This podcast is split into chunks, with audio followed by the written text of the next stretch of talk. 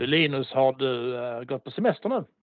Ja, absolut. Jag befinner mig mitt i semestern här inne på min, min tredje vecka här nu. Så två och en halv vecka haft semester så jag har cirka två och en halv vecka till och verkligen kommit in i den här semesterlunken. Själv då? Ja, jag är på väg in. Semestern står för dörren här nu, nu när vi spelar in det här avsnittet. Eh, så, så den ligger några dagar, dagar bort här bara, så ska jag också gå på lite semester. Men man börjar ju onekligen liksom, när semester i hjärnan börjar ju omedvetet ta över och så vidare. Så att eh, eh mm. det är sådana tider nu där man ska liksom checka ut och eh, bara liksom njuta av ledighet och av sommaren och så vidare. Och det ska vi väl också göra här efter det här avsnittet tänker jag. Att vi ska försöka faktiskt att göra något som vi aldrig har gjort tidigare i den här poddens historia, nämligen att ta ett litet break faktiskt. För tidigare har vi ju under alla år faktiskt eh, tröstlöst kört på liksom varannan onsdag med avsnitt även under sommarmånaderna. Men den här sommaren ska vi ju faktiskt du och jag unnas att ta ett litet break här nu eh, efter det här avsnittet. Ja. Så det blir lite sommarlov.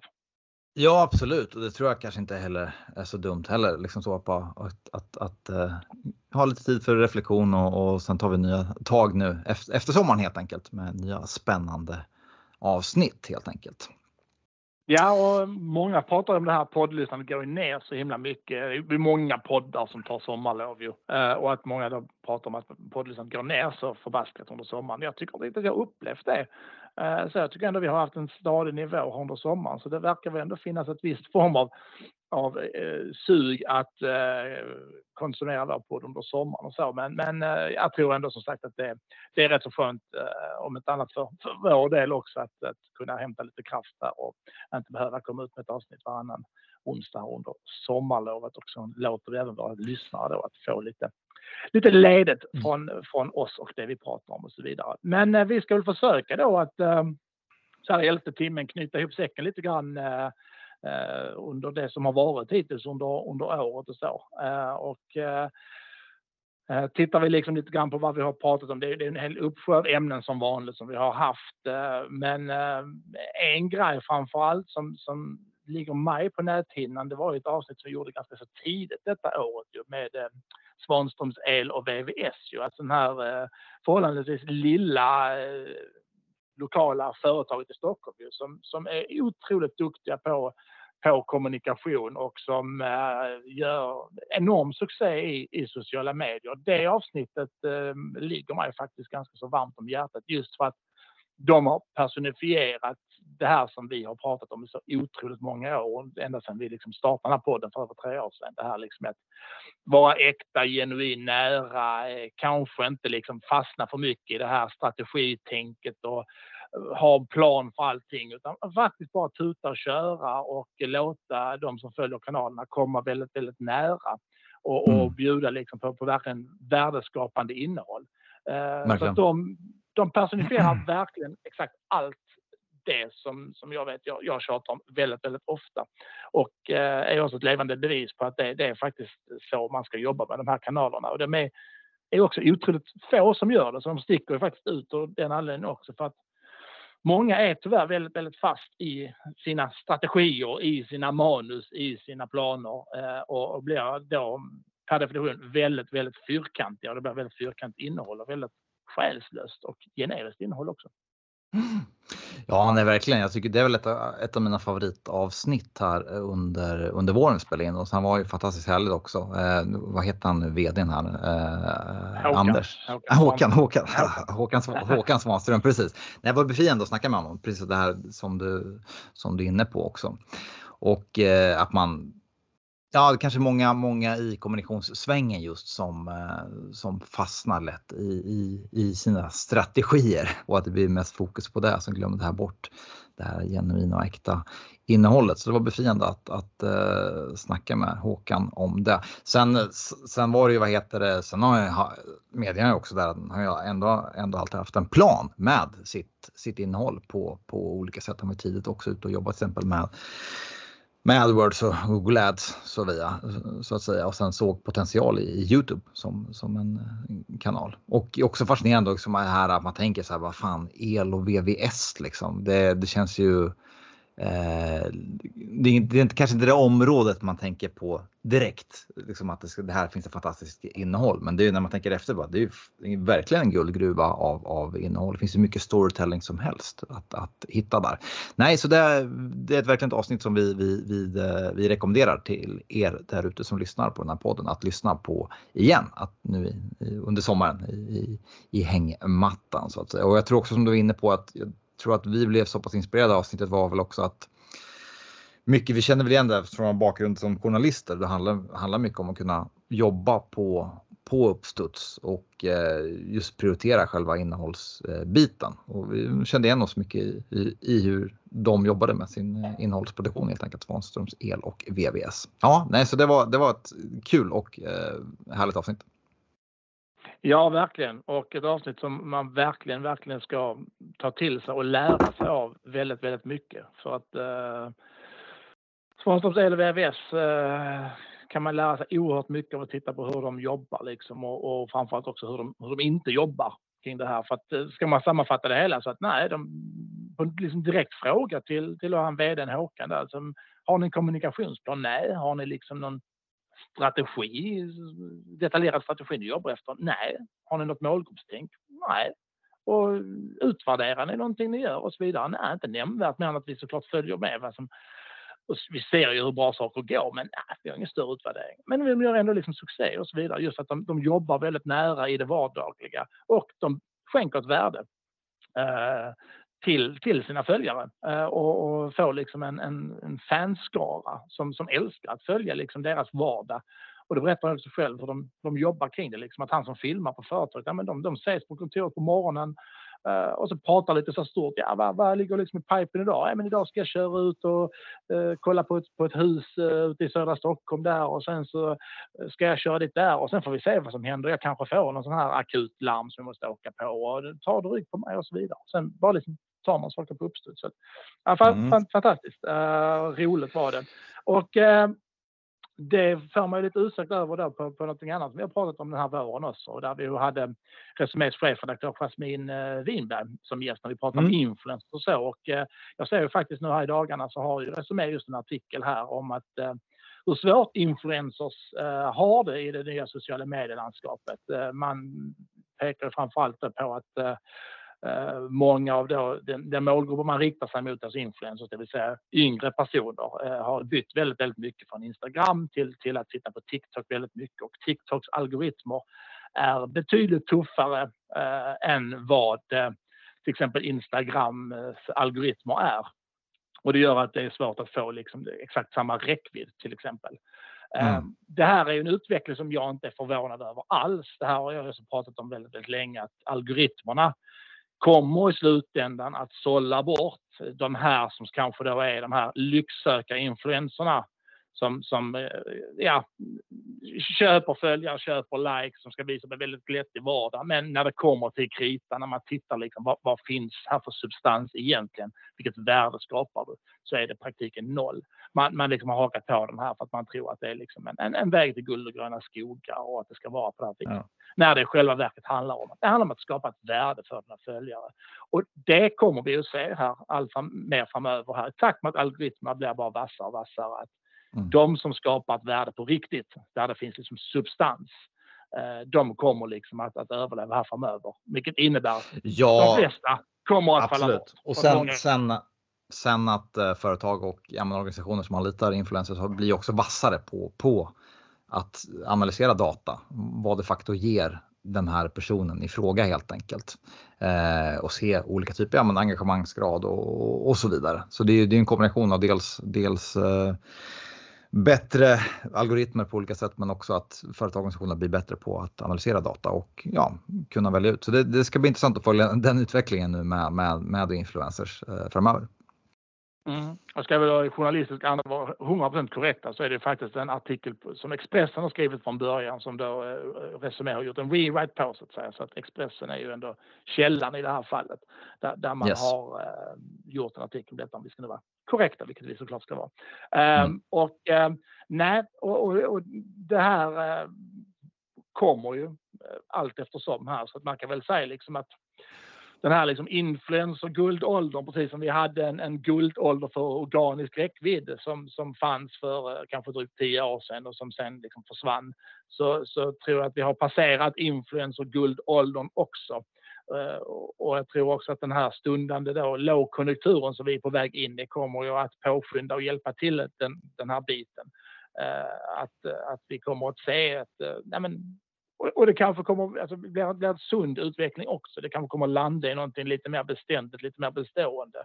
Och, och jag välkomnar ju det här att nej men, ska vi liksom ha det här begreppet influencer så att det ska vara trovärdigt, ja, men då behöver det finnas substans i det också. Eh, så att jag välkomnar ju faktiskt den här utvecklingen där man, där man faktiskt kan skilja agnarna från vetet och, eh, mm. och eh, få liksom influencers som, som ger ett värde på riktigt till sina följare och så bara mm. inte är liksom någon som åker ner på någon medelhavsresort och tar massa fina glättiga bilder liksom och, och ja, jag tror, tror många som lyssnar känner igen den typen av influencer som man, som man ser, inte bara, inte bara i Sverige utan i ja, stort sett hela världen. Men det är den här mm. orimligt höga andelen av influencers som har så otroligt mycket följare och det har vi pratat om tidigare också. Att det, det är liksom inte, inte rimligt att så många personer kan ha så många följare i ett, i ett så pass litet land som vi har. Men... Nej, precis, precis. Och det gäller inte bara Sverige, det gäller ju stora delar av världen så att säga. Det finns orimligt många som har orimligt många följare så att säga. Den här podcasten är ett samarbete med Resumé.se, Sveriges ledande branschmedia för alla som arbetar inom media och kommunikation. Gå in på Resumé.se för att ta del av senaste nytt från dessa branscher. Ja, och det man pekar på det med algoritmen här också, som TikTok-algoritmen då kanske är tuffare då, det är ju att Visst, algoritmen tar ju hänsyn till liksom likes, följare och visningar, men, men det som framförallt eh, algoritmen lägger stort värde vid är ju faktiskt hur länge folk faktiskt tittar på en video. Eh, mm. Och jag gissar mig på att samtidigt som det går att fuska med likes, följare och visningar, så går att köpa sådana, så, så är jag helt övertygad om att det också går att köpa liksom robotar som så att säga, fysiskt tittar på din film, men som det är inte en riktig person som tittar på den. Eh, men, men, men det är ju ändå ett steg mot den här grejen att man liksom kan skilja det här längre. Så det här med likes, följare och så vidare blir ju mindre och mindre viktigt. Eh, mm. Och det skulle jag vilja säga, det absolut viktigaste egentligen är ju den här, vad ska man säga, hur många som liksom rekommenderar dig till andra. Där brukar liksom säga, men ta ett exempel, till exempel en, en Youtube-kanal eller ett klipp på Youtube som, som jag tycker är grymt, som, som jag liksom rekommenderar. Och så skriver jag kanske ett meddelande till dig på Messenger och till fem andra kompisar som jag skickar en länk till det här liksom, Youtube-klippet. Att shit, kolla det här klippet, liksom. det, här är, det, här är, det här är magiskt, det här är, det här är bra grejer, liksom. följ den här kanalen. Mm. Det är det bland det mest värdefulla som du kan få för algoritmerna, för det snappar algoritmerna också upp. Och det finns ingenting som är mer värdefullt än det. För då har du faktiskt en fysisk person som faktiskt tar sig tid att rekommendera den här kanalen till andra personer via ett Messenger eller via ett, ett uh, meddelande på, på Insta och så vidare. Mm. Uh, det är det, det, absolut mest värdefulla du, du kan få. Uh, mm. Och det, det snappar algoritmen upp direkt. Så att, värdet är mycket högre där än att sitta och titta liksom på följare och likes och så vidare. Vi är verkligen förbi den grejen. Men Trots det så är det fortfarande mycket fokus på de grejerna men det, det är mm. inte det som är det mest värdefulla idag eftersom att det går och eh, vad ska man säga eh, manipulera eh, med, med ganska enkla medel och mm. med ganska få pengar. Ja, i övrigt, jag tog del av en intressant artikel här kring, eh, det var ju bransch, branschmedia, det var på, på Resumé, jag har inte kommit ihåg namnet på, på, eh, på personen som uttalade sig, men det var en internationell marknadsföringsexpert som vad heter det, menar på det att det, han, han, han, tippar, han tippar på att under de kommande eh, åren så kommer det kanske inte hända så jättemycket, alltså banbrytande nyheter inom kommunikation och marknadsföringsvärlden på, på det sättet. Hans tips var helt enkelt, eller han tippade på att eh, det kommer vara ungefär de kanalerna som vi har idag. Eh, det kommer vara liknande arbetssätt som vi har idag så att säga. Det handlar mer om att kunna kanske bli bättre på att eh, just analysera eller förfina sitt innehåll och bli bättre på, på, på att analysera data på, på olika sätt. Och vi har ju varit inne på, på det också. Och det känns lite som när man gör lite spaningar så här. Vi, vi brukar alltid försöka ha lite spaningar inför olika avsnitt. Och det, egentligen, det händer inte så jättemycket i kommunikationsvärlden på det sättet. Eller förstår vad jag menar Anders? Nej, men det gör inte det. Och visst, vi, vi har ju sett lite, men som sagt, TikTok är väl liksom den nyaste spelaren kanske här. Eh, Clubhouse blev väl en väldigt, väldigt, den kanske mest kortlivade, hypade plattformen som vi har sett eh, under internets födelse kanske. Eh, tillsammans med några andra kanske. Men, men jag tror ju också att det snarare handlar om att, som du säger, att utveckla liksom innehållet och kommunikationsarbetet. Och eh, där återigen så tjatar jag om det här, liksom, men det här autentiska, det äkta, det genuina. Eh, mm. Vi är liksom på väg mot den biten där vi, vi, vi längtar så efter äkthet, autenticitet. Så varje gång det sker så, så, så välter det ju liksom sociala medier när man ser någon som liksom bara är äkta och genuin. Uh, men jag, jag kommer bara tänka på den här boken nu som har blivit lite snackis här under sommaren. Den här uppslagsverket, Svenska floskelordboken. Har du sett lite rapport, rapporteringar kring den ju? Uh, som kom här nu för, för någon vecka sedan. Uh, där, där man just sätter fingret på det här liksom med, med väldigt så här välklingande fina ord men som egentligen är rätt så innehållslösa som vi är ganska så, så, så trötta på. Jag tror är en journalist som heter Fredrik Kullberg som har skrivit den som har samlat det i en bok där samtidens värsta floskler då. Mm. Uh, och, och de flosklerna ska man ju se upp med. Men det är väldigt många som använder dem i sin kommunikation. De här liksom begreppen, ja. men du vet, liksom, samverkan, agil, innovation, transformation. Ja, men de här orden som vi slänger oss väldigt mycket i dagliga men vi kanske ska hålla dem snarare internt. Men väldigt många kommunicerar dem också externt. Och, ja, precis. Ja, man tappar verkligen liksom avståndet till det här som, som, som funkar. Men ja. eh, nej, jag tror också att det, det kommer kanske hitta någon form av, liksom ändå, där, där det snarare blir innehållet på plattformarna som, som utvecklar sig. Eh, för att jag tror också att eh, algoritmernas utveckling kommer att kräva det för att vi ska kunna få någonting ut av de här de här plattformarna. Liksom. Så att, uh, mm. kanske färre men bättre innehåll. Färre kreatörer men bättre kreatörer. Tror jag snarare. Mm. Istället för att alla ska finnas överallt hela tiden och alla ska göra innehåll och alla ska bli virala. Så kanske ja, gå tillbaka lite grann. Ja, när jag ska hitta den artikeln kan vi länka den i beskrivningen till avsnittet. Annars lite om vi blickar framåt här nu, den stora heta potatisen, heta potatisen, floskler. eh, eh, vad heter det, är ju förstås eh, det stundande valet nu i höst. Och vi har, vi har lite planer på att kanske hitta lite intressanta ingångar till det. Bland annat hur partier jobbar rent eh, ja, men, eh, kommunikativt helt enkelt inför, inför valet på olika sätt. Och eh, ja, det är ju en, en, en, stor, stor och het, het fråga som kommer bli eh, väldigt intressant och det märker man inte minst nu i, i, i de eh, olika kanalerna, hur, hur partierna arbetar och hur man översköljs av olika politiska budskap. Eller märker du av det själv? Ja, ja, men, men också fram, samtidigt också hur, hur svårt de har det. Alltså kanske att, att uppbringa någon, någon större engagemang kring sina saker. Uh, det, det, många partier har nu mycket att jobba på och uh, kanske inte heller, alltså många, många partier som sitter i riksdagen är ju liksom säga, gamla kolosser. Det är partier som har funnits väldigt, väldigt länge. Ja. Eh, där finns kanske en viss form av kultur och struktur och så vidare som kanske inte är så kompatibel med det här nya medielandskapet. Och där, där ser man ju också exempel på att det, det kanske det nyaste riksdagspartiet som vi har, med Sverigedemokraterna, eh, går, är ju de som, som absolut är bäst på det här med att skapa engagemang och så vidare. Sen har de ju såklart vissa frågor som, som är väldigt vänliga i det här liksom nya medielandskapet och väldigt mycket svart mm. eller vitt och så vidare. Och de har ju liksom lyckats att uppbära liksom en, en sorts folkrörelse någonstans. Så det, det är klart att deras, mycket av deras kärnfrågor gynnas ju i det här vad ska säga, polariserade medieklimatet som finns. Mm. Men, men jag tror också att deras sätt att jobba och, och, och, och, så vidare kanske skiljer ut sig lite grann från, från de andra partierna som kanske ändå kanske fast fortfarande lite grann i det här mer klassiska och så vidare. Men vi ska väl se vad vi, vad vi hinner också få, få fram här eh, för intressant eh, ja, innan precis. valet. För valet kommer ju snabbt efter sommaren. Jag tror det är ja, redan där eh, andra helgen i september så är ju valet där. Så det, det kommer ja, jäkligt snabbt efter semestern också. Så vi får väl ja. se vad vi, vad vi hinner med. Men, men något ja, vi får klura det. Men vi ska ju, precis, vi får ha lite planering här nu i sommar också.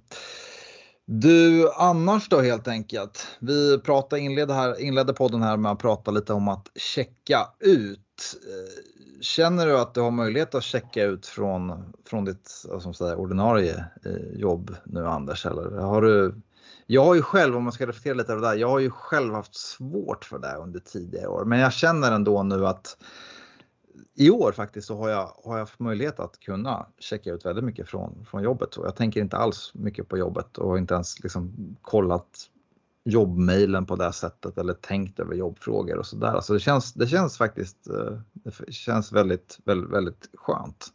Eh, hur känner du själv? Har du varit duktig på, på att kunna lägga jobbet åt sidan tidigare? Ja, jag tycker faktiskt de senaste åren, uh, kanske för, för tio år sedan var jag inte speciellt duktig på det. Uh, var jag nog närmast usel. Uh, och det kunde till och med mm. vara några sådana sommarsemestrar där man verkligen kände att fan, jag har inte varit ledig. Uh, det känns som jag jobbat konstant uh, för att man liksom inte har kunnat släppa det på något sätt. Jag har blivit mycket bättre på det de senaste åren och för mig är det ju fullkomligt uteslutet att, att ens fingrar på, på liksom knappen till, till jobbmailen och så vidare. Det, det, det sker inte liksom, så att jag, jag gör inte det. Det skulle liksom vara om det skulle bli en akut kris liksom att liksom, ja, men typ stan brinner ungefär där man, där man måste kliva in och jobba för att det är liksom verkligen så här red alert grej. Det är en annan sak, men hur ofta sker det? Eh, det, det sker ju för, för de flesta av oss aldrig.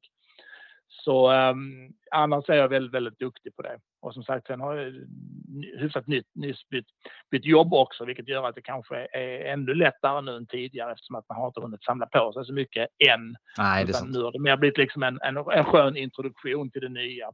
Uh, men man har liksom inte liksom, hunnit samla på sig så mycket. Om ett år kanske jag säger annorlunda. Men um, överlag så tycker jag att jag, jag är väldigt duktig på att vara ledig när jag ska vara ledig. Och sen jobbar man när man jobbar, men, men inte liksom mm. något mellanting där. Eh, jag märker också att det, det funkar inte riktigt för mig. För jag, jag kan rent krasst, jag, jag har liksom inga problem att jag, jag jobbar gärna mycket och länge, men, men eh, det är inte i längden sunt och bra att göra det. Eh, jag får liksom betala Nej, priset för det längre fram om det är så. Nej. Jag har inget problem att göra det, men priset får man betala. Så att därför så var väldigt konsekvent. Nej, men jag tror, Nej, men jag reflekterar lite över det inför att spela in podden. Men jag tror också en bidragande orsak till det också, det är väl att jag känns som att jag dragit upp, dragit upp här riktlinjen för hösten också. Har ganska klart vad, vad jag ska göra. Ibland har man gått ofta liksom och fan, vad liksom lägga upp, vad ska vi ta fram för typ av kommunikation nu till hösten och sådär. Men nu känns det, jag har en bra tydlig plan också som tror jag möjliggjort att man har, har kunnat lägga undan jobbet på, på annat sätt. Sen är det ju absolut, sen, sen, sen vet man inte om, om någon vecka kanske man går och tänker mycket jobb igen. Liksom. Det är ju sådär på semestern, ibland kan man ha faktiskt en tendens att kan bli lite rastlös ibland också. Och det är lätt att man faller in på, på jobbtankar. Men just nu går in på min tredje vecka här och det känns, det känns, eh, känns riktigt, riktigt skönt. Helt enkelt. Så verkligen ja, i semestermode. Ja, och jag tycker jag, jag vet ju att det, det, det är väl så här väldigt olika. Vissa eh, sitter ju och kollar sin jobbmail på semestern och, och, tycker ändå att man liksom hittar ett lugn i det. Och jag ska inte säga att alla är väl olika, men jag landar ändå i att jag, jag, tycker att även de här människorna som tycker att jag får ett lugn av att kolla jobbmailen, men ändå skulle prova en sommar att inte göra det. För jag, jag tror faktiskt att ingen eh, mår sämre, snarare tvärtom, av att faktiskt stänga ut det helt.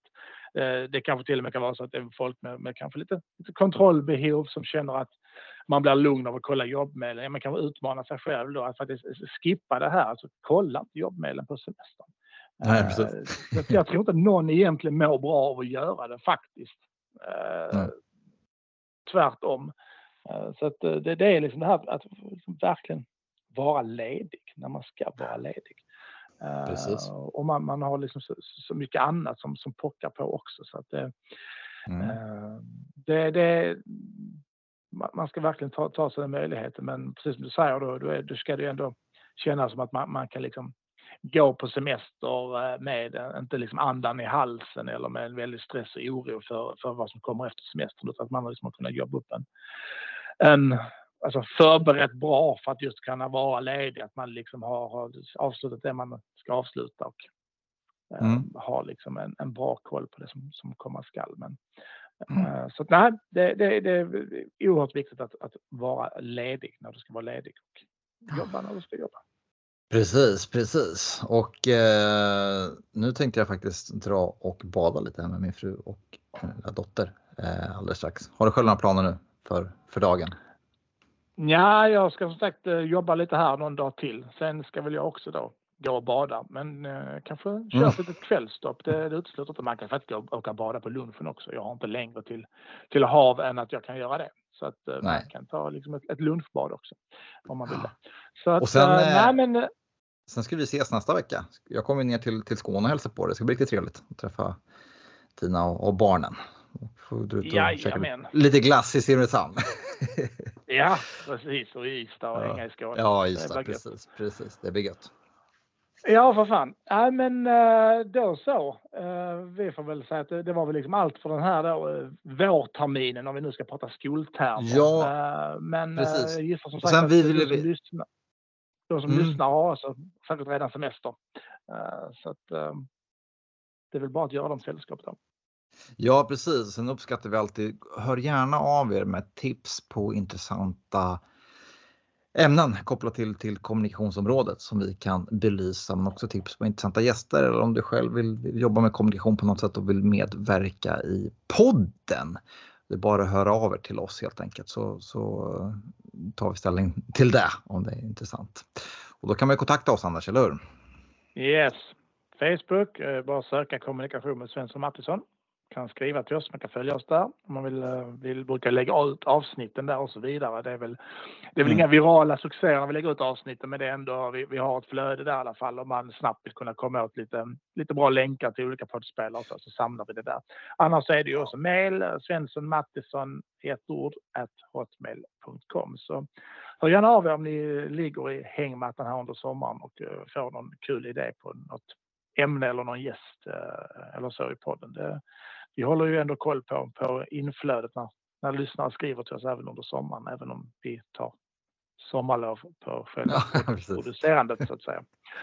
Så att ja. eh, som sagt, vi är tillbaka då eh, efter sommaren igen och eh, tar, går på sommarlov nu så får vi önska dig som lyssnar att du också får en riktigt trevlig sommar så hörs vi igen framåt hösten. Ja.